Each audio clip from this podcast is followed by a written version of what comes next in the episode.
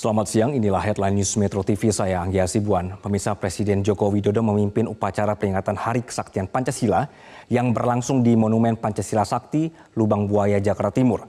Dalam peringatan Hari Kesaktian Pancasila tahun ini, pemerintah mengangkat tema Pancasila pemersatu bangsa menuju Indonesia maju. Presiden Joko Widodo menjadi inspektur upacara dan memimpin jalannya prosesi upacara. Turut hadir dalam upacara ini Wakil Presiden Kiai Haji Maruf Amin, bersama Ibu Wuri Ma'ruf Amin, kemudian para Menteri Kabinet Indonesia Maju, pimpinan lembaga tinggi negara, dan para duta besar negara sahabat. Dalam upacara ini pembacaan teks Pancasila dilakukan oleh Ketua DPD RI Lanyala Mataliti. Sementara pembacaan teks Undang-Undang Dasar Negara Republik Indonesia dilakukan oleh Ketua MPR RI Bambang Susatyo.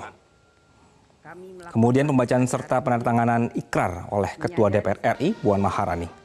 Peringatan Hari Kesaktian Pancasila tahun ini, pemerintah mengangkat tema Pancasila pemersatu bangsa menuju Indonesia maju. Menurut Menko Polhukam, nilai persatuan sangat penting saat ini, apalagi di tengah tahun politik.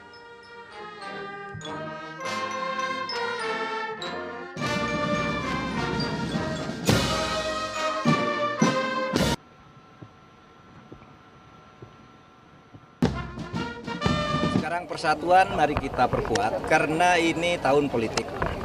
Di dalam tahun politik itu biasanya eh, bibit-bibit perpecahan, bibit permusuhan, kampanye gelap dan sebagainya ya. Baik negatif campaign maupun black campaign itu bermunculan di mana-mana. Nah, kita jaga persatuan bahwa kita pemilu ini mau memilih pemimpin, bukan mencari musuh.